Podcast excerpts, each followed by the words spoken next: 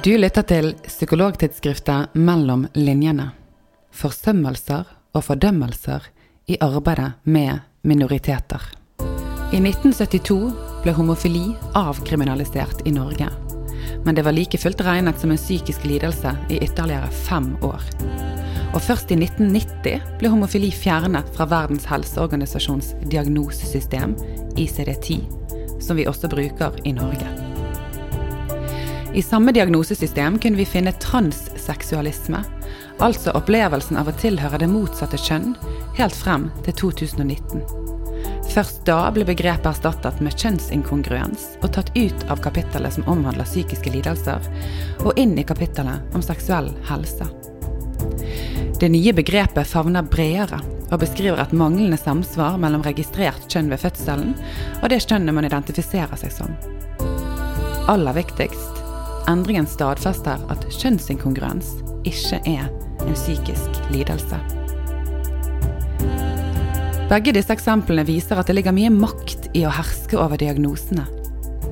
Men er de også eksempler på hvor definerende og mektig majoriteten kan være overfor minoriteter? Og hvilke holdninger vi bærer med oss? En gang var det politisk bestemt at samer, kvener og skogfinner skulle frata sin kulturelle identitet og tilhørighet sitt språk, ja selv sine barn, i strid med grunnleggende menneskerettigheter. For å bli mer norske. Mer som oss. Majoriteten. Den systematiske og langvarige fornorskningspolitikken som den norske stat bedrev i over 100 år, forsvant formelt sett fra lovverket vårt midt på 1900-tallet. Men henger assimileringstenkningen likevel igjen i samfunnet vårt? Finner vi elementer av dette i møte med minoriteter fortsatt i dag. Den tendensen til å ville gjøre andre likere det store osset. Og hvis ikke det går, så har du kanskje en diagnose, en funksjonsnedsettelse, eller noe ved deg som gjør deg til noe annet. Innvandrere og flyktninger. Etniske og religiøse minoriteter. Lesbiske, homofile, transpersoner. Mennesker med fysisk eller psykisk funksjonsvariasjon hva gjør vi psykologer i møte med mangfoldet blant oss? Hvilke holdninger har vi med oss, og hvilke holdninger påvirker vi? Blir vi portvoktere for hva som er normalt i samfunnet? Og er det personen eller omgivelsene som trenger å tilpasse seg? Velkommen til denne episoden av Psykologtidsskriftet Mellom linjene, der vi skal utforske disse spørsmålene og ikke minst spørre. Forsømmer psykologene seg i dag når det gjelder de fordømmelser som fortsatt fins i samfunnet rundt oss. Jeg heter Heidi Wittrup Dyp. Jeg er psykologspesialist og redaktør i Tidsskrift for Norsk Psykologforening. Og til å svare på alle disse spørsmålene, så har jeg med meg tre personer i studio. Den ene er Annbjørg Onstad, som er professor emerita fra Oslo OsloMet. Som har forsket på, skrevet om og jobbet med lesbiske og homofile i en årrekke. Jeg har med meg Per Koren Solvang, som er sosiolog og professor i rehabilitering ved Oslo OsloMet, som har jobbet med studier av funksjonshemmedes situasjon og rehabiliteringsprosesser i mange, mange år. Og jeg har med meg Vinni Nyheim Jomisko, som er psykologspesialist, og har de siste ti årene jobbet primært med personer med minoritetsbakgrunn, og særlig da klienter utsatt for rasismerelatert stress og traumer. Og jeg skal straks gi ordet til deg, Annbjørg, men jeg har først lyst til å ta lytteren med tilbake til 1992. For da skrev du en tekst i psykologtidsskriftet som het Den rosa panteren eller En i den grå masse. Forståelse for lesbiske i terapi. Og den teksten gir virkelig et vindu inn i hvilke holdninger som har eksistert mot lesbiske og homofile. Eh, og hvordan disse holdningene har blitt speilet i våre lærebøker da, og i faget vårt. Og du skriver bl.a. at dette ble sett på som et avvik som kunne knyttes til såkalt tidlig problematikk. Det være seg umodenhet, utviklingshemming, en dyp og ubevisst frykt for menn, nevrotisk avhengighet, klitorisfiksering og et ønske om å erobre sin mor osv. Så, eh, så det var veldig sånne individualpsykologiske forklaringsmodeller der man skulle forstå og forklare et avvik. Og så i din tekst så brakte du inn en annen forståelse, med mer fokus på sosiale betingelser, kulturelle forhold, det å finne sin plass i en større sosial kontekst. Og ikke minst så løftet du frem viktige temaer som lesbiske må forholde seg til, da, enten de skjuler hvem de er, eller viser hvem de er. Og det var gjerne et tema som den gangen ikke var helt eh, kjent for terapeutene, og kanskje er det ikke det helt eh, fortsatt en dag i dag. Og du skrev òg at frykten for å ikke bli forstått av heterofile terapeuter, eller frykten for å bli møtt med uforstand, den er i høyeste grad reell. De ble møtt med det.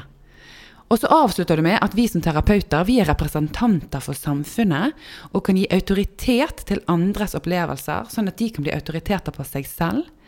Men da må vi først gå i oss selv og finne ut om vi kan gi positiv bekreftelse til lesbiske, og hvilke motforestillinger som eventuelt hindrer oss i å gjøre nettopp det. Men nå når vi har deg her i rommet, så har jeg litt lyst til at du skal fortelle oss om bakgrunnen for at du skrev den teksten. Altså For det første så hadde jeg da jobba ganske mye på det som den gangen het Rådgivningstjenesten for homofile og lesbiske. Og eh, jeg hadde i grunnen møtt på ganske mange som hadde vært i terapi, og som ikke var fornøyde med terapeuten sin. Og som kom til rådgivningstjenesten fordi at de følte seg trygge på at her ville de treffe noen som var kjent med å leve på den måten. Og, eh, og, og, det begrepet 'den rosa panteren' eller 'en i din gråmasse', det henspeilte liksom på at man veldig ofte som lesbisk er man usynlig. Man kan godt passere som heterofil gjennom en helt terapiforløp uten at terapeuten spør om ting som helst. Eh, og ellers er man veldig synlig. Bortimot sjølysende. Og begge, begge de posisjonene er like ubehagelige. Fordi at, eh, at når man da er sjølysende, så attribueres ofte alle problemer til det å leve som lesbisk. Ja. Hvordan hadde de opplevd det å gå i behandling tidligere, da, før de kom til dere? Veldig ofte så var det eh, at de ikke hadde nevnt at de var lesbiske. Vel, eller homofile. For på rådgivningstjenesten så kom jo både homofile og lesbiske og transpersoner som vi ikke kalte transpersoner den gangen, men som var folk som ønska å skifte kjønn og sånne ting. sant? Mm. Eh, og det de hadde opplevd, var liksom at, det, at terapeuten enten syntes, syntes det var vanskelig å snakke om, at de gjerne fikk et opplærings... Eh, at de måtte lære opp eh, på en måte eh, psykologen sin til å skjønne at det å leve som lesbisk ikke er noe så veldig mystisk det er på en måte eh, det å leve med samme kjønn. Det er kanskje noen andre problemer, men, men at det ikke er så fryktelig annerledes. Altså det utsettes for veldig mye eh, fordømmelse, kanskje, eller, eller, kanskje mest av alt uforstand. Mm. Hvorfor, hvorfor var dette så vanskelig for terapeuten å forstå? et, altså Terapeuter er, er, som andre folk, for å si det sånn. De er, en, eh, de er en del av det samfunnet vi lever i. Og dette her var jo da tidlig på 80-tallet. Og, eh, og, eh, mange hadde kanskje aldri møtt noen som var homofile eller lesbiske. Og de er jo prega av de samme holdningene. Pluss at våre lærebøker på den tiden så jo på homoseksualitet som en Eh, som et avvik. Altså, de så på det som eh, en eh, konflikt som var uløst. Veldig ofte. Altså, det er veldig prega av en slags psykodynamisk forståelse. Dette var noe som man skulle reparere. Det var, det var Og dette varte veldig lenge. Dette sitter som en sånn grunnholdning, på en måte, hos mange terapeuter. Ja, for i teksten din så tar jo du inn perspektiv og stiller jo noen spørsmål til leseren, sant, og konfronterer egentlig leseren litt med sine egne oppfatninger og holdninger, og eh, tvinger frem litt refleksjoner, i hvert fall sånn som jeg leser teksten, i, mm. i vår tid. Men, men, hvordan ble den mottatt den gangen? Jeg kan ikke huske at det ble mottatt på noen spesiell måte. Som vanlig så ble den usynliggjort. Ja. Så dette var på en måte ikke et tema som terapeuter var så opptatt av? Ga det an å tolke det? Eller hvordan, hva var liksom ja, klimaet den gangen? Altså, dette her var i 1992. Altså, jeg skrev min hovedoppgave i 1984. Og da skrev jeg om lesbiske samboere. Eh, og da hadde jeg veldig mye støtte fra Psykologisk institutt. De syntes det var veldig bra at jeg tok opp dette temaet, for dette var jo ikke belyst. Men for meg så var det jo et risikoprosjekt. Ja? Altså, jeg visste jo at eh, med denne hovedoppgaven så er det jo ikke sikkert jeg får jobb noe sted. Det, var, det var i 1984. Men jeg var veldig heldig, for jeg traff tidsånden. Jeg fikk veldig mye henvendelser om å komme og snakke om denne her oppgaven, både her og der. Men jeg, jeg opplevde samtidig at jeg hadde en jobb, eller et vikariat, på et familievernkontor. Og, eh, og der eh, var det en som slutta i protest mot at de hadde ansatt en slik. Altså, hun kunne ikke ta begrepet lesbisk i sin munn. Så kristen var hun, for å si det sånn. Så du var en slik, da, rett og slett, som hun slik. ikke kunne jobbe sammen? Absolutt. Ja. Jeg overvurderte på en måte eh, tiden, på et vis. For eh, altså, diagnosen eh, homoseksualitet ble fjerna av psykiatere i 1977. 1984 så var man kanskje litt mer åpen for at ja, det finnes folk som som eh, er lesbiske og homofile, og vi må møte dem på en ålreit måte. Men eh, helt friskmeldt ble vi vel ikke, tror jeg. Eh, jeg tror jeg har prøvd å sjekke dette litt ut. Når var det vi ble eh, godtatt, på et vis? Jeg har spurt mine gamle kollegaer, og sånn, og de kan ikke gi noe svar, for de har jo Dette er jo veldig forskjellig så det kommer helt an på hvem, hvilken terapeut du møtte. Men uh, før uh, Den norske psykoanalytiske foreningen tok sjølkritikk på slutten av 90-tallet, begynnelsen av 2000-tallet, så uh, etter det så tror jeg ingen har drevet med såkalt konverteringsterapi, eller reparativ terapi, som de kalte det. Det gjør veldig inntrykk å høre deg eh, snakke, for det, på mange måter så har jo da eh, gjennom disse eh, ja, altså Vi har på en måte brukt vitenskapen litt da, til å vitenskapeliggjøre eller legitimere eh, et, eh, et, menneskesyn som vi i dag ville tatt stor avstand til. da. Men det er jo i litt nyere tid likevel, da. Det er jo ikke så lenge siden. Eh, men det du beskriver er jo også i tillegg til at faget på at det har blitt brukt på den måten der, så beskriver du jo òg at inni det terapeutiske rom så kommer det da personer med en opplevelse som ikke blir forstått, eller kanskje ikke engang snakket om. Eller kanskje til og med også møtt med noen årsaksforklaringer som det ikke er vitenskapelig belegg for, og som etter min mening høres jo veldig nedbrytende ut da å bli møtt med. Um, og så kan man jo lure på hvor, hvor bevisst har terapeuten og fagfeltet vært rundt dette her, da. Og vi skal, nok, vi skal komme litt inn på utviklingen etter hvert, men før vi går den veien, så vil jeg høre med deg, Vinni, for dette høres jo ut som noe som kan være gjenkjennbart eh, fra der du står og ser på fagfeltet vårt i dag. For du har vært opptatt av dette her Um, og hvis vi skal holde oss litt i sånn dyremetaforer, så blir det litt elefanten i rommet noen ganger, dette med rasisme. Mm. Kan du si litt om dine erfaringer og betraktninger her?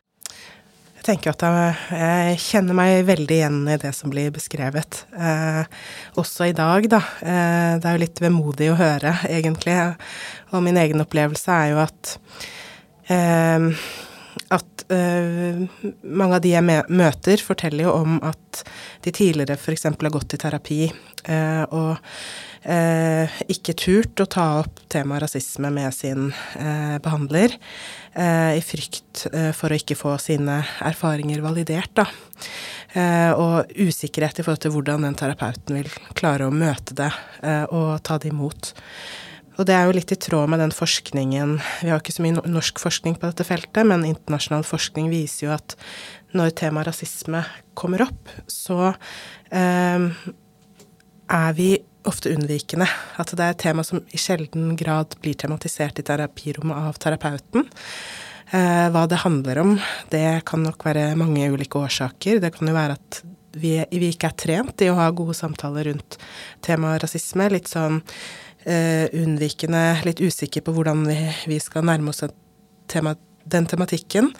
Eller en slags sånn misforstått uh, fargeblindhet. At det liksom Vi har blitt litt bedre på å snakke om kulturelle forskjeller, men vi eh, syns at det er, det er en lang vei å gå i forhold til å spørre eksplisitt om, om disse erfaringene og um, tørre å nærme oss uh, klientens opplevelse med rasisme, da.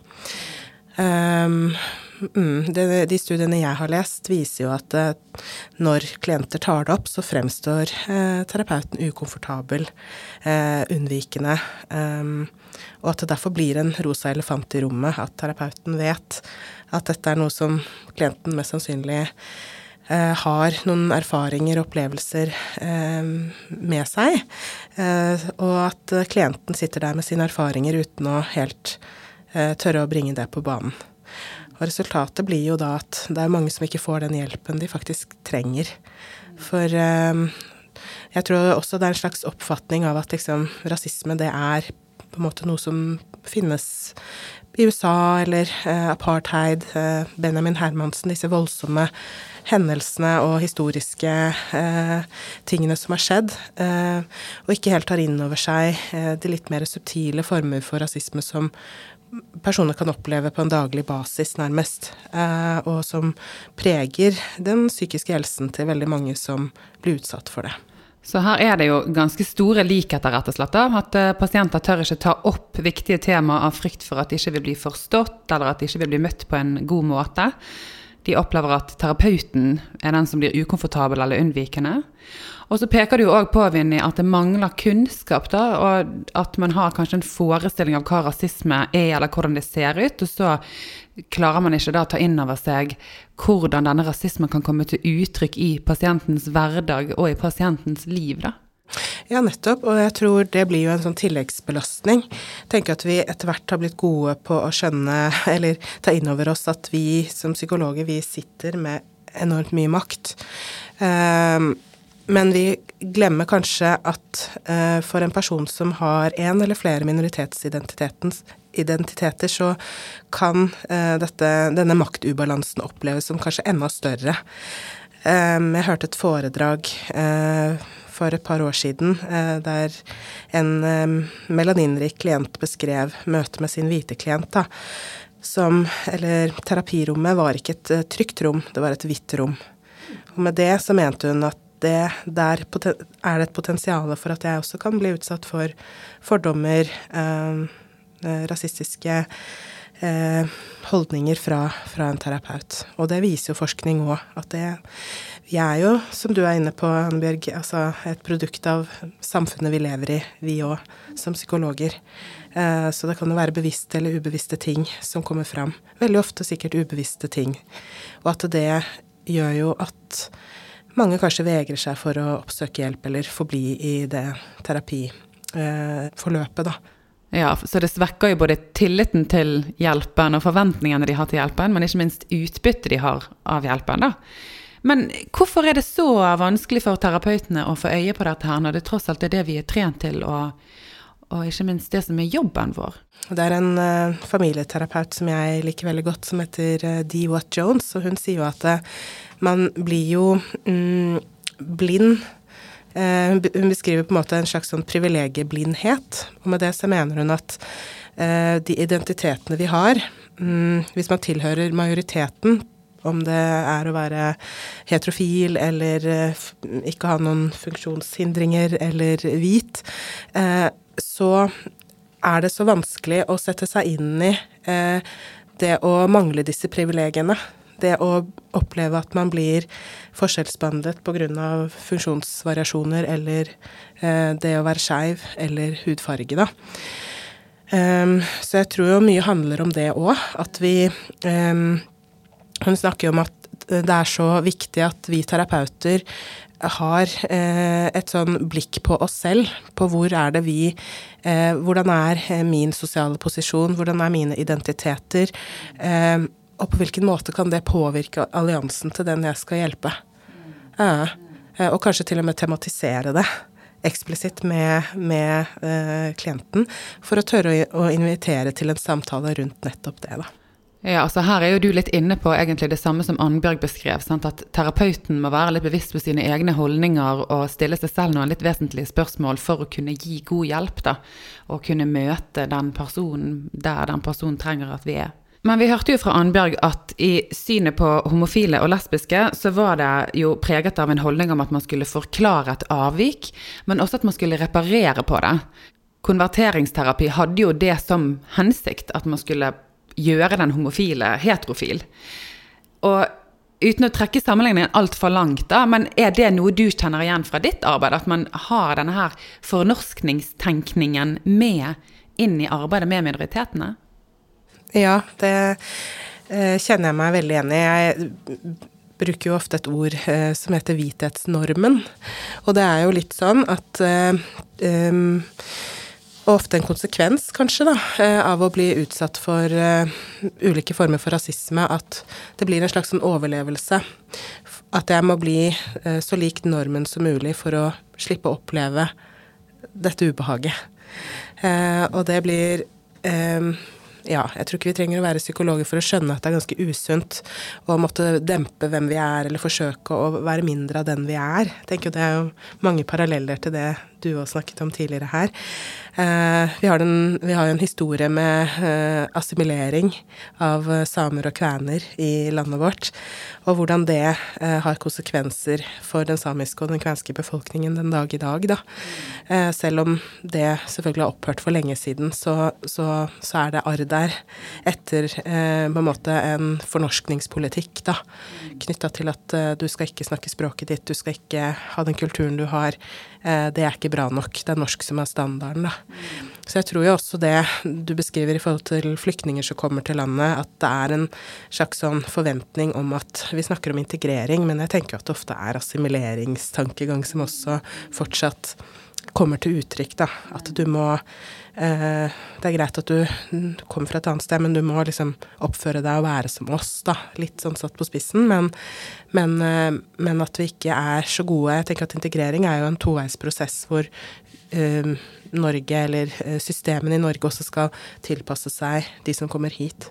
Vi er jo nødt til å lage gode systemer som uh, hjelper folk uh, ut i et godt liv, ikke uh, lage barrierer for dem, på en måte. da. Ja, og nå løfter jo du frem samfunnets ansvar for å skape system da, der det blir mulig for ulike mennesker å delta i samfunnet og, og, finne tilhørighet blant oss. Og da ser jeg på deg, Per, for det treffer jo litt i kjernen av det som du er opptatt av også ut ifra ditt arbeid. Eh, personer med funksjonsnedsettelser, der er jo universell utforming et veldig sentralt stikkord. Men aller først, ser du noen likheter mellom det du jobber med og det vi har snakket om så langt? Det er jo uh, veldig mange fellesnevnere her mellom disse hva skal si, diskriminerte posisjonene som tas frem her. Homofile, lesbiske, melaninrike, folk som kommer til uh, Norge utenfra, og uh, mennesker med funksjonsnedsettelser.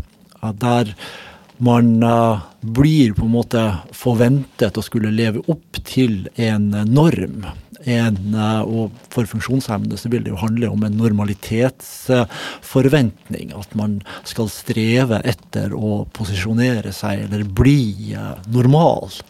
Og jeg tenkte også, Det er jo også utviklet et begrep på engelsk, eh, ableism, og som noen har også forsøkt å oversette til ableisme på norsk, da, men det er noen utfordringer knyttet til, eh, til det. Og også funkofobi har vært et eh, begrep som har vært forsøkt uh, introdusert for å kretse inn denne systematiske forventningen til å skulle være noe annet enn man ser at man er som funksjonshemmet. Men samtidig så dro du opp også stikkordet universell utforming. Og det er jo også en uh, veldig viktig inngang til disse spørsmålene. For dette handler jo om en tenkning om at man skal tenke variasjon fra scratch. Og, eh, det er også interessant å kunne tenke universell utformingsbegrepet også inn mot homofile, lesbiske og eh, minoritetsbakgrunn og den type mer kulturelle forskjelligheter. At vi skal bygge et samfunn som eh, forventer slike variasjoner. Og at man skal tenke alle tjenesteutforminger, utforminger av bygninger, ut fra variasjon i eh, funksjonsmåte, i væremåte, i tilnærminger til hva som eh, er eh, ja, viktig i et liv. Ja, altså Tanken som ligger bak universell utforming, er jo nettopp det. da, At man legger til grunn at i et samfunn så vil det være stor variasjon med hensyn til befolkningens fungering og bakgrunn og, og behov. da. Og så muliggjør man da deltakelse og tilhørighet ved å tilrettelegge for alt dette. Den universelle utformingstenkningen har også etter mitt skjønn en veldig styrke i at den på en måte ikke stykker ut funksjonshemmede som en på en måte egen avgrenset gruppe. Men man tenker funksjonsvariasjon litt bredt Altså Når man begynner å ja, trekke på årene, som er et litt forslitt uttrykk, men allikevel fysisk bevegelsesevne endres. Uh, man blir avhengig av bedre lys, man blir avhengig av bedre, tydeligere uh, lyd. Og uh, universell utforming tar jo sikte på å liksom, legge til rette rette for denne type funksjonsvariasjoner. Slik at vi alle har en veldig stor interesse av å, at det jobbes ut fra universell utforming. Ja, så Tanken er at vi vil alle være tjent med et samfunn som klarer å tilrettelegge for variasjon, og eh, klarer å ivareta det, det mangfoldet som er blant oss. Og på mange områder i samfunnet så lykkes vi jo godt med det. Samtidig så vet jeg at du, Vinni, er opptatt av dette begrepet strukturell rasisme, og det slår jo beina litt vekk under i hvert fall forestillingen om at vi har lykkes veldig godt da, med universell utforming. Så det er fint hvis du kan si noe om det. For jeg, tror mange tenker på rasisme som noe som skjer i en relasjon mellom mennesker. Men rasisme kan jo også forekomme mellom person og samfunnsstrukturer. Uh, det er som du sier, som regel så tenker vi på rasisme som noe som forekommer på et litt sånn interpersonlig plan. Ehm, at eh, en person med minoritetsbakgrunn f.eks. går på bussen, og noen kommer med en rasistisk ytring, eller sier noe i lunsjen, på en måte. Ehm, men når vi snakker om strukturell rasisme, så er det Det er mye mer komplekst, og det får jo konsekvenser for livsvilkårene for den eh, som er utsatt, utsatt for, for, det, på en helt annen måte. Eh, vi vet jo at det er ulovlig å diskriminere eh, i Norge, men vi vet allikevel at det kan være underliggende strukturer, eh, praksiser, til og med lovverk, som gjør at noen etniske grupper kommer dårligere ut enn andre i møte med mennesker da, som har en annen bakgrunn. Vi har jo etter hvert fått eh, noe forskning på eh, eksempelvis eh, etnisk profilering, eller det å bli stoppet av politiet hvis man har en etnisk minoritetsbakgrunn. At det forekommer mer eh, enn man kanskje skulle tro og ønske. Eh, og derav denne kvitteringsordningen som nå har vært eh, prøvd ut i Oslo. Men vi vet også at eh, norskfødte med minoritetsbakgrunn eh, har høyere risiko for å eh, få fødselskomplikasjoner på norske sykehus eh, i Norge, og til og med dødfødsel. Vi har eh, og etter hvert fått noe forskning på i Oslo kommune og Bergen kommune som på en måte konkluderer med at ja, system, systemisk rasisme det, det er noe som forekommer, og noe som vi er nødt til å ta tak i. Mm. At det er eh, det, det, påvirker jo livsvilkårene til de som rammes, på en måte. Og det trenger ikke å være en uttalt um, holdning om at vi skal behandle noen ulikt, men at praksiser gjør at noen kommer mer uheldig ut. Vi har jo ikke noe tall på dette her i psykisk helsevern. Jeg håper det kommer forskning på det. Uh, men det vi vet, er jo at det er uh, personer med minoritetsbakgrunn som i mindre grad oppsøker hjelp, og at det er en høyere frafallsprosent.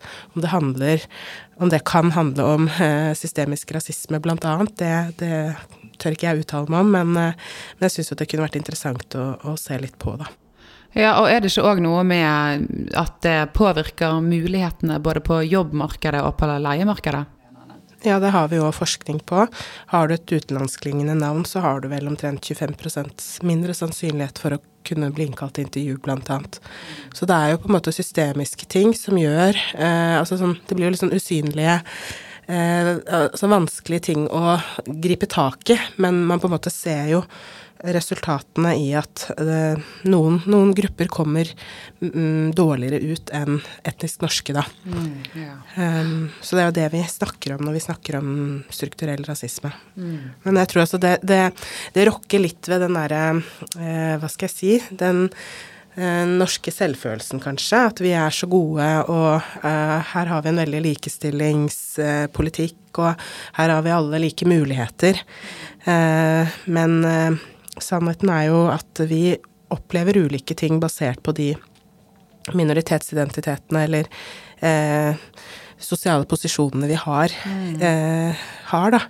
Vi har eh, privilegier og mangel på privilegier som, som, får utfall i hvor vi bor, eh, hva slags helsehjelp vi får, hva slags sosiale, eh, sosiale rettigheter eller sosial hjelp vi får. Eh, ting som får store konsekvenser, da mm. for, for, mennesker. Det som blir veldig tydelig for meg når dere snakker sammen, er hvordan dette henger sammen.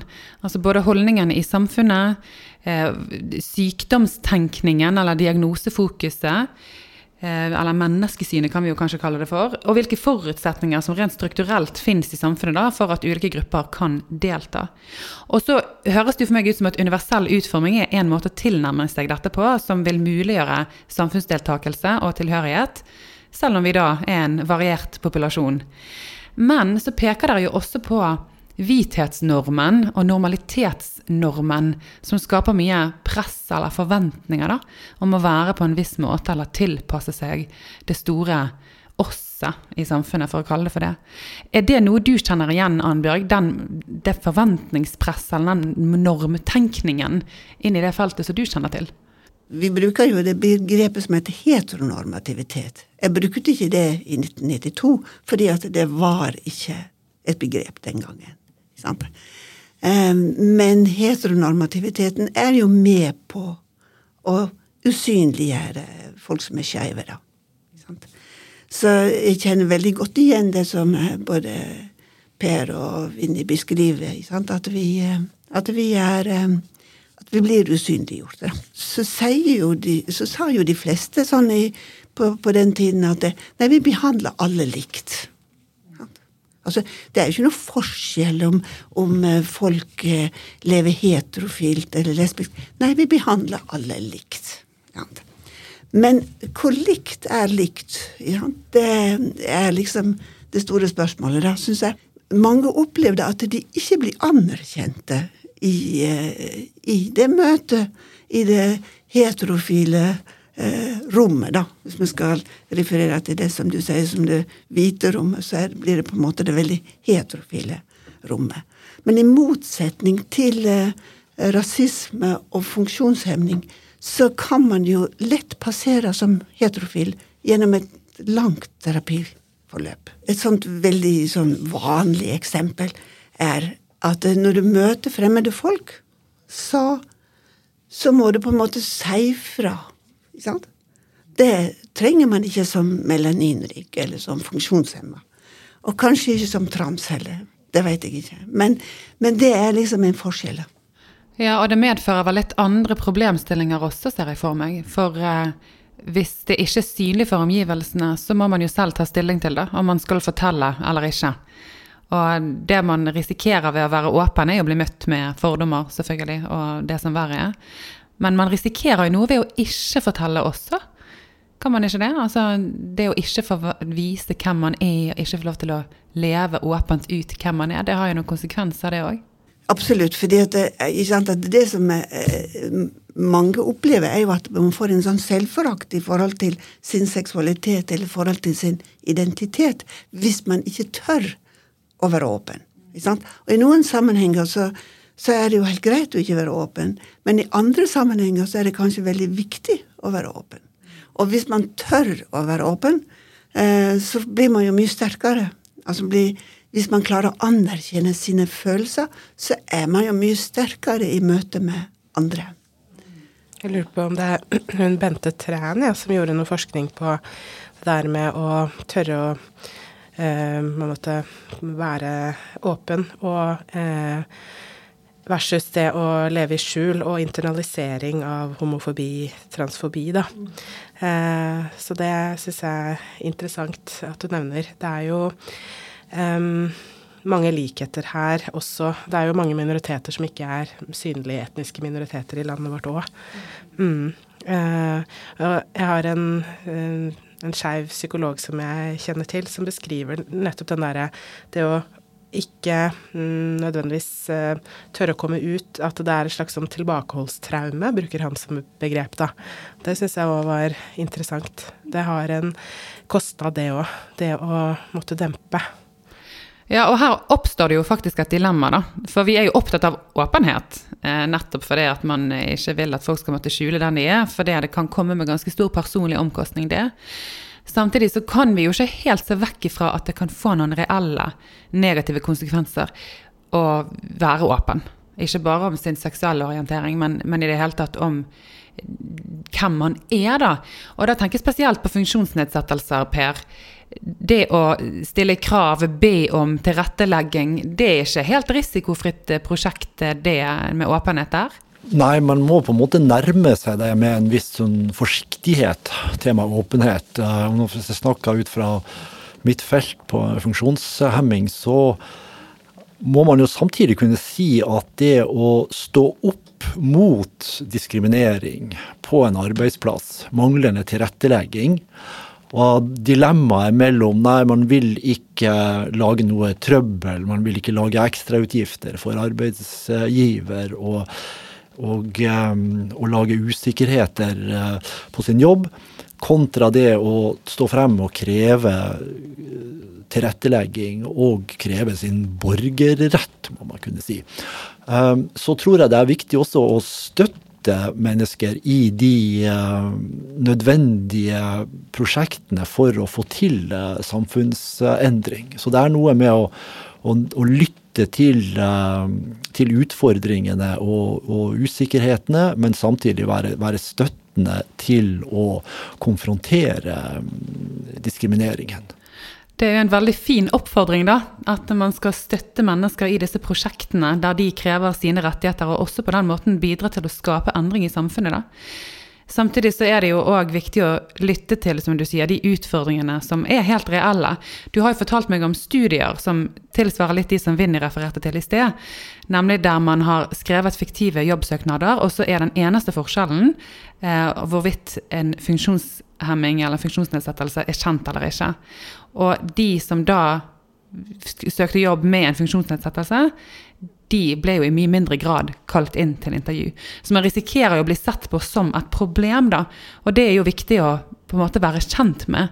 Både hvis vi skal rådgi mennesker i sin prosess, men også når vi skal ta på alvor hvilken omkostning det kan innebære å påbegynne disse prosjektene da, som skal skape samfunnsendring, og der de krever sine rettigheter. Det er utrolig viktig å på en måte utfordre disse ja, strukturene og forventningsnormene. Det skaper noen uh, forstyrrelser som er viktige. Det skaper forstyrrelser hos de som driver og rekrutterer. Uh, man begynner å få en slags sånn uh, nagende forståelse av at ok, vi har kanskje ikke helt jobbet ut fra de prinsipper vi tror vi jobber ut fra, med å, være inkluderende og ikke Eh, sette stengsler og, og, og, gjøre bruk av eh, eller komme til uttrykk eh, fordommer. Ja, for disse forstyrrelsene kan jo da fremtvinge en slags erkjennelse i omgivelsene om at de ikke har klart å tilrettelegge eller klart å være like inkluderende som det de kanskje har trodd, og det er jo en verdi. Og det er jo klart at det å be om eller kreve tilrettelegging kan skape endringer. Samtidig så vet vi òg at personer med nedsatt hørsel f.eks., for eksempel, som forteller om at de har behov for noe tilrettelegging, de risikerer jo å bli litt sånn frøse ut eller i ytterste konsekvens miste jobben. Så det er absolutt et litt sånn sensitivt og eh, utfordrende tema, dette her med åpenhet, og egentlig preget av ganske mange dilemmaer. Ja, jeg tenker jo Vi har jo hatt eh, terror i Norge for ikke så altfor lang tid eh, tilbake, så det, det kommer jo med en eh, omkostning, så jeg er veldig enig. Vi kan jo ikke liksom blindt eh, på en måte tenke at altså Åpenhet eh, koster. Det er en eh, helt klart kan være Det er ikke alltid trygt med åpenhet heller, ikke sant. Så her må vi jo på en måte ha en balansert eh, tilnærming til det. Vi må, man må ha en selektiv åpenhet. Ikke sant? Em, jeg tenkte på det senest i går. Jeg var på trening, og så ved siden av meg så er det alltid den samme damen som trener. Og vi, vi er to stykker som går på denne treningen. Og vi blir jo sett, bra, sett utenfra som to venninner som er på trening. Ja, så må jeg tenke med meg sjøl Skal jeg fortelle at vi er gift? At vi er et par? Har det noe hensikt? Ja. Altså Så denne selektive åpenheten er jo viktig, tenker jeg. At eh, det hadde jo kanskje vært eh, Spesielt i forhold til homofile og lesbiske, så har det kanskje vært veldig sånn push på at man må være for guds skyld være åpen. Og så har man ikke tenkt kanskje så mye på hva betyr det for et menneske å være åpen i et veldig fordømmende miljø. Altså i et veldig kristent, konservativt miljø, eksempel, som det blir utstøtt, som det blir eh, Som familie ikke vil ha noe mer med det å gjøre, som du ser på som skitten, som ekkel, osv. Det Jeg har jo vært i kontakt med skeive muslimer, f.eks., som på en måte det er helt eh, utelukket å kunne komme, komme ut. Og, for det vil jo på en måte bety at jeg bryter med en hel familie, og ikke bare meg selv, men kanskje noe som får konsekvenser for eh, personer som er i mitt hjemland. Eh, eller er i Norge òg, for den saks skyld. At det så det, så det er jo på en måte Det er ikke alltid det er trygt å komme ut, og at det folk har sine grunner. Selektiv Å være litt sånn selektiv tror jeg godt oppsummert, egentlig, mm. det du sier der. Og det der mantraet om å være åpen og, og komme ut, og sånt, det kan jo kanskje også på en måte forsterke nettopp det at det blir et eh, tilbakeholdningstraume. da, Ikke bare for ens egen del, men men også denne sosiale forventningen om at det må du gjøre. Fordi man ikke nettopp tar inn over seg eh, hva det faktisk vil koste, da. Godt poeng. For enkelte. Også i eh, arbeidslivet har jeg sett studier av psykisk helse i arbeidslivet, og at denne litt mer selektive åpenheten der blir også fremholdt som en uh, viktig strategi. At man kan ikke sant, Det vil jo være en type usynlig funksjonshemming å ha psykiske utfordringer og eh, skal utøve en, eh, en jobb. Og eh, det at man kan ta det opp med noen, eller man finner noen som man ser på som allierte, så er også en måte å håndtere den type utfordringer uten å liksom stå frem som eh, hun eller han eh, med eh, schizofreni. Men eh, håndtere det, men samtidig ikke være helt alene om det. da. Så det er også der en, eh, et stikkord om selektiv åpenhet som kan mm. være en, eh, en hensiktsmessig måte å, å møte utfordringer på. Og til lytterne så er jo det et tema som vi diskuterer i en annen episode. Det er jo nettopp dette med åpenhet på godt og vondt. Jeg har jo en helt sånn personlig historie også om det med åpenhet. For da jeg var tolv år gammel, så mistet jeg jo alt håret i alopecia. Og den gangen så var det viktig for meg å passere som normal, slik at jeg begynte å bruke parykk. Og eh, gikk med det helt til jeg var noen og tjue, før jeg da kom inn i en prosess som gjorde at jeg på en måte sto frem med min annerledeshet og tok av meg parykken. Og så har jeg ofte reflektert seinere, men det var jo en sånn frigjøring. Hvorfor greide jeg ikke å frigjøre meg når jeg var eh, 13 eller 17? Og eh, jeg har på en måte konkludert med at jeg må ha respekt for den personen jeg var den gang. At eh, det var eh, ikke mulig for meg. Altså, jeg var for bundet av normaliteten og hårets normalitet til at jeg, at jeg fikk det til. Men samtidig er det en viktig refleksjon, da, og at det er Det var en frigjøring å, å komme ut av det. Og selvfølgelig handler det om også at jeg ble eldre, og det blir stadig mer normalt for en mann å ikke ha hår dess eldre du blir. Men allikevel så, så, er det noe der med at jeg tror det er viktig også, hvis vi skulle snakke terapirommet, og på en måte plante sånne ideer om at ja, du bør kanskje tenke på at det er jo mulig å, å faktisk la være å, å gå rundt med, med denne, denne, i mitt tilfelle, parykken og forsøke å å skjule hvem jeg egentlig er, fordi at det er behagelig og, og greit og trygt, ikke minst. Eh, det er det gamle vante. Um, at, eh, men samtidig så det er noe der med å utfordre en, en slik skjuling, men samtidig ha respekt for at den kan være viktig. Man trenger beskyttelsen på et vis. Sant? Altså Beskyttelsen som normaliteten gir, og for det var det håret for andre kan være den seksuelle legning, eller sant, hva det måtte være. Og det å og, og så du vil nevne det der med å være åpen som, som muslim, kan jo rett og slett være livsfarlig. Så, det, mm. så, så må jo Sant? Samtidig så har jeg også noen som kjenner flere som det har gått helt fint for. Ja, så her er det liksom så forskjellig, da. Og så tenker jeg også på det i forhold til din eh, på en måte erfaring eh, i feltet, og eh, når du tar et tilbakeblikk på hvordan ting har vært versus nå. Jeg mm. tenker jo Blant mange av de jeg har møtt i terapirommet siste siden skytinga på London, beskriver jo på en måte at vi har gått ja, vi har tatt uh, ett skritt frem, men nå er vi to skritt tilbake, med tanke på liksom samfunns... Uh, eh, hva skal du kalle det, diskusjonen som, som pågikk eh, under pride. Altså det, det, er jo eh, Det vil jo hele tiden være varierende eh, hvordan man opplever at om man går, vi fremover, eller går vi bakover? Det er jo veldig avhengig av hva slags erfaringer den enkelte har òg, ikke sant. Om man har en uh, interseksjonalitet som på en måte kompliserer det hele, så vil jo det være kanskje litt annerledes enn om man ikke ikke har det. Ja, for det å tilhøre flere minoriteter samtidig, eller ha flere minoritetsidentiteter på samme tid, det kan komplisere dette bildet litt. da. Og det jeg hører ut av diskusjonene som dere har nå, det er jo at åpenhet er egentlig fullt av dilemma. Altså vi kan ikke gi noe klar anbefaling i ene eller andre retningen. Det kan komme med stor omkostning både å være åpen, men det kan også ha store konsekvenser å ikke være åpen. Men eh, så man må jo ta utgangspunkt i den enkelte personen og, og, historien, og ikke minst hvilke omgivelser som er rundt. da. Men jeg liker jo godt oppfordringen fra Per som gjelder at vi skal støtte disse prosjektene da, som kan skape endring. Eh, både for at personen selv skal få kreve sine rettigheter, men også for at det kan komme noe endring i strukturene rundt i samfunnet. Og det bringer meg jo litt over til nettopp hva er det som trengs for å skape endring. Åpenhet kan jo være én faktor som fremtvinger forandringer.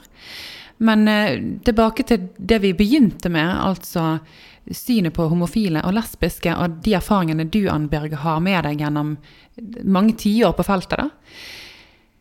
Er det psykologien som har ført frem disse endringene? Er det psykologien som er bærer av forandringen, eller er det samfunnet som har forandret seg? Ja, eh, jeg, tror, jeg tror det er samfunnet som har forandra seg. Jeg tenker 70-tallet eh, forandra ganske mye. Sant? Homobevegelsen, kvinnebevegelsen.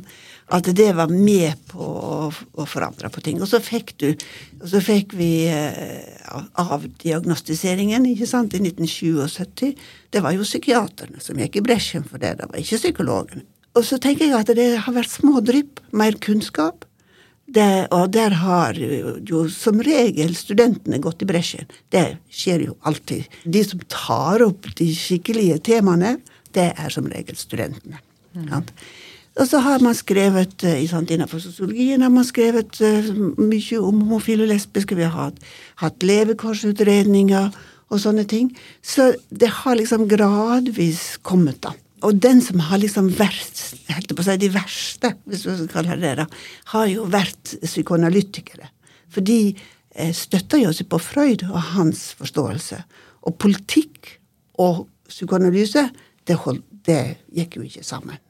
Så der tror jeg vi har en ballast, på en måte, som eh, gjør at vi ligger litt bakpå, da. Mm. Eh, og når, når jeg, Altså, jeg, jeg snakka med han, en som har vært leder i Norsk psykoanalytisk forening, for å høre når var det at psykoanalytikere begynte å, å anerkjenne homofile og lesbiske.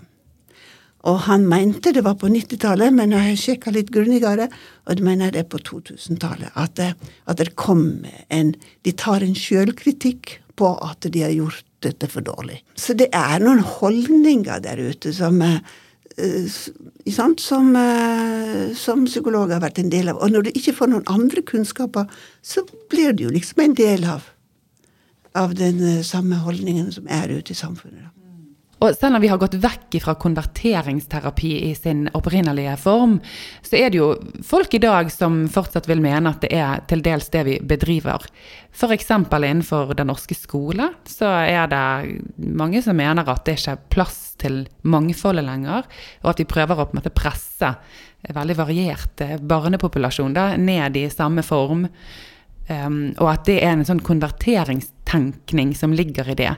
Samme kan man også finne igjen eh, når vi jobber med flyktninger og asylsøkere f.eks. At vi har en måte å tenke norsk barneoppdragelse som blir da den malen eller den standarden da, som disse familiene blir målt opp mot, eller det er det som da blir målet for veiledning eller rådgivningen som de tilbys. Og jeg ser litt på deg nå, Per, siden du er den eneste ikke-psykologen i rommet og kan eh, tale veldig fritt. da. Men når du fra utsiden med din kunnskap og ditt eh, forskningsgrunnlag ser inn på vårt fagmiljø, gjør du deg noen betraktninger rundt hvordan vi psykologer bidrar eller ikke bidrar til å skape nødvendige endringer for minoriteter eller de personene som utsettes for stigma og fordømmelse og utenforskap?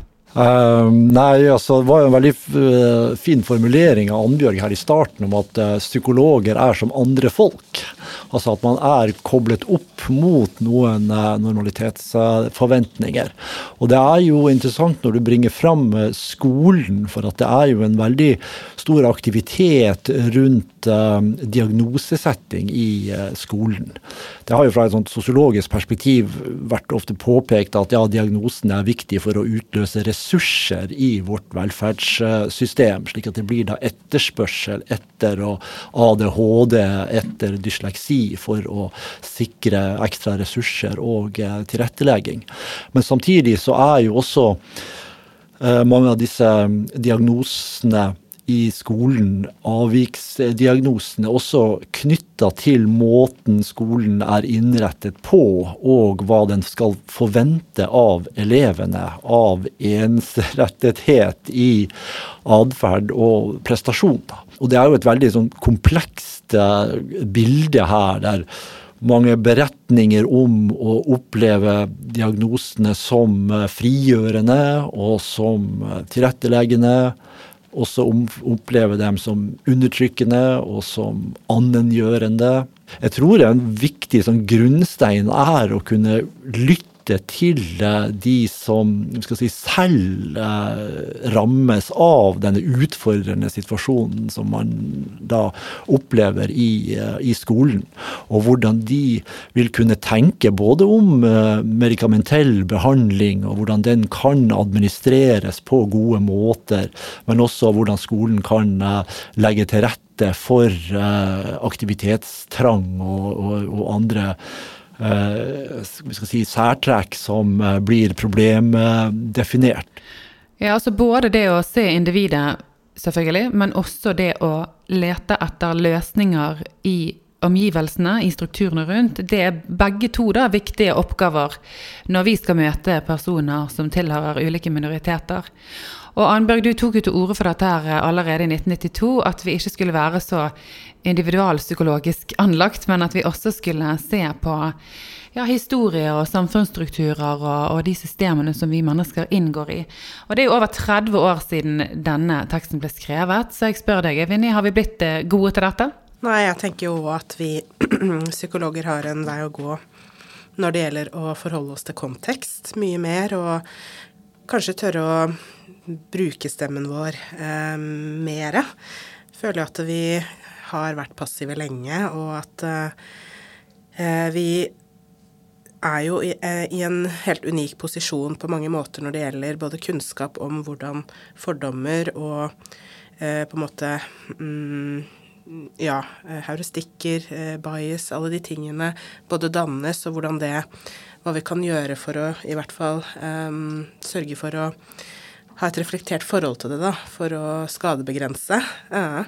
Så jeg tenker jo at vi burde Vi har en jobb å gjøre når det gjelder å tematisere urett som selvfølgelig har vært før, men òg ting som rører seg i samfunnet vårt eh, i dag, da. Ja, for det er jo ikke bare fortiden vår vi skal se på, det er jo en samtid her, så vi har kanskje en jobb å gjøre, som du sier, når det gjelder flere utfordringer som preger samfunnet vårt mer i dag, da. Annbjørg, hvilke utfordringer er det du ser, eller hva mener du at vi psykologer bør gripe fatt i av de problemstillingene som rører seg nå? Eh, ja, jeg tenker umiddelbart i, forhold til dette her med alle disse diagnosene, alle ADHD-en i skolen og sånne ting, at det er det med å stille spørsmål med normaliteten og strukturene her. Altså, å tørre å stille spørsmål ved det, tror jeg er ganske viktig. Å og, og, tenk, og tenke at vi må være mer nysgjerrige på det som, som er eh, annerledes. Er det, er det, noe som syn, bare synliggjør normaliteten på et vis? Eh, og at man, at, at man, er opptatt av det på et vis. Eh, og hvilke Altså, jeg tenker vel at lesbiske homofile i dag vil få god behandling, stort sett eh, hos de fleste psykologer. Det vil jeg tro. Men, altså, men når vi beveger oss litt utafor eh, for kjønnskategorien kvinner og menn, og tenker på ikke-binære, på, på de som definerer seg midt imellom, så er vi ute på samme galeien igjen, tror jeg. Altså, fordi at der er jo diskusjonen så polarisert òg at det er veldig vanskelig å komme inn med nyanser, på et vis. altså. Så jeg tenker, jeg tror at det er der det er mye større grad ligger i dag enn i forhold til lesbiske og homofile. Jeg tror Stort sett så tror jeg de vil få bra behandling. Altså Det jeg har hørt om nå når jeg sjøl begynner å bli eldre, så har jeg hørt om eh, eldre homofile som går inn i skapet igjen fordi at de er redd for å møte på fordommer på eldresenter, på sykehjemmet. Du kommer hjem til en mann som har levd med en annen mann i alle år, og, og lurer på hva familiebildene er hen. Og, altså, mm. eh, ja. Mm. Så Eh, så det, det, forandrer seg. Mm. Lite grann, det forskyver seg litt fra, fra, den ene gruppen til den andre, tror jeg. Og så tror jeg jo at eh, psykologistanden sånn som den er, er jo veldig eh, homogen, da. Det er jo, eh, i hvert fall min, ut fra mitt eget perspektiv, så syns jeg Jeg tror det hadde vært en berikelse om vi hadde fått eh, eh, på en måte utvida eh, mangfoldet litt blant psykologer òg. Eh, tenker at det ikke er tilfeldig at eh, du og jeg sitter her eh, i studio i dag og som på en måte eh, har et blikk for eh, ja, mange av de utfordringene melaninrike eller skeive, eller for den saks skyld personer med funksjonsvariasjoner kan ha, da. Mm. feltet vårt ville hatt stor fordel av å øke mangfoldet mm. eh, i Altså, jeg tenker at det, det henger sammen på så mange plan, da. Hvis man tenker på forskningen, eh, hvem, hvem, forskes det på? Eh, av hvem? Eh, utdanningsinstitusjonene våre. Hvem er det som er eh, professorer der? Eh, hvordan ser pensum ut? Det er jo veldig majoritetstungt. Mm, det det. og jeg tror at eh, nå, nå, Jeg vet at det skjer litt ting både i hvert fall på Universitetet i Oslo og Bergen i forhold til disse tingene og disse temaene vi er inne på her i dag, men jeg tror um, vi trenger mer mangfold i uh, vi som skal utøve yrket uh, psykologi, altså, eller psykologer. Ja, jeg tror det Og viktig også å se at ting er på en måte også en bevegelse. Du tar frem disse eksemplene om uh, homofile lesbiske som går ut og ikke blir en diagnose lenger, og kjønnsinkongruens. Um, slik at det er også noe man har argumentert for at um, det er endringer i uh, yrkesliv som har drevet frem uh, autismespekteret som mye mer aktuelt i uh, skolen, og ADHD som mer aktuelt. Mens man kan tenke seg at det å være rullestolbruker i noen grad er en mindre funksjonsnedsettelse, eller en mindre utfordring, da. I og med at arbeidslivet har vært veldig sentrert rundt det å betjene en, uh, en computer. Slik at, eh, mens de sosiale ferdighetene og det å kunne være utadvendt og slik har, har større betydning, og de som da ikke lever opp til disse kravene, får større utfordringer. Så det er noe der med at man får øye på at det er samfunnsprosesser som måtte skaper, eller er viktige skapere i disse utfordringene som mennesker eh, opplever. Og det tror jeg også er en fin måte å kunne koble det til det Vinni her også tar opp. At eh, det å kunne måtte tydeliggjøre og gå inn i seg selv at hvordan er det man representerer eh, samfunnet, og på hvilken måte er man som andre folk? Og hvilke andre folk vil man eh, kjenne vi skal si, fellesskapet og samklangen med som psykolog. At den refleksjonen eh, kan være viktig. Å kjenne fellesskap og samklang med sin psykolog, det syns jeg var utrolig flott sagt. Så jeg har lyst til at vi runder av med de ordene. Jeg vil takke veldig for at dere har bidratt til å løfte frem mer kunnskap på disse feltene her. Eh, og Så får vi se da om lytterne tar oppfordringene om å øke mangfoldet blant oss selv. Kanskje utforske litt hva vi legger i normalitetsbegrepet. Se litt inn i seg selv. Og ikke minst bidra til å støtte de som er inni disse prosessene, som kan bidra til å skape endring både for deres egen del i sitt eget liv, men også i samfunnet rundt. Tusen takk for at dere har delt av deres kunnskap og gitt av deres tid, og ikke minst takk til dere som hørte på. På gjenhør.